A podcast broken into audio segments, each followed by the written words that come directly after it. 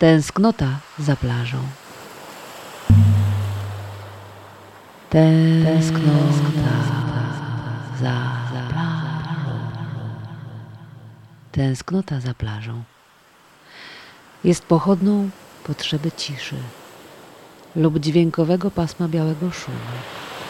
O, to jest rodzaj szumu białego, bardzo zdrowy. Tęsknota za plażą jest pochodną poczucia naszej jaszczurkowatości, kiedy rozgrzana skóra sprawia, że luzują mięśnie i odpuszcza głowa. Jest sygnałem mówiącym o konieczności posiedzenia sobie w przestrzeni, w której woda i piasek grają pierwsze skrzypce. A do tego ewentualnie jakiś wakacyjny przebój w tle albo w słuchawkach, albo podcast w słuchawkach. Nie za dużo słów, biały szum, synchronizacja. Tęsknota za plażą jest też tęsknotą za takim wysiłkiem fizycznym, który objawia się poprzez kontrolowany bezruch. Byle konsekwentnie. Plażo, plażo, znajdź mnie, bo ja cię tak bardzo szukam.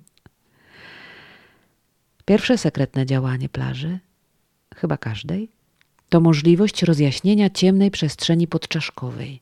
Słońce wpada przez oczy, słońce wsiąka przez skórę i po godzinie już jesteśmy w słonecznym kosmosie, ale tak rzadko wiemy, co z tym kosmosem zrobić, tak rzadko patrzymy do środka, żeby zobaczyć tę jasność i porównać z zewnętrzną jasnością, bo mimo wszystko one są różne. Drugie sekretne działanie plaży to perspektywa krótkiej drzemki, odcięcia od zewnętrznego świata, dobrze widzianego przez resztę towarzystwa.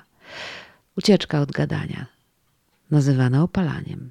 A potem opcjonalnie moczymy stopy w wodzie albo zanurzamy rozgrzane ciało w chłodnej cieczy dla wyrównania potencjałów.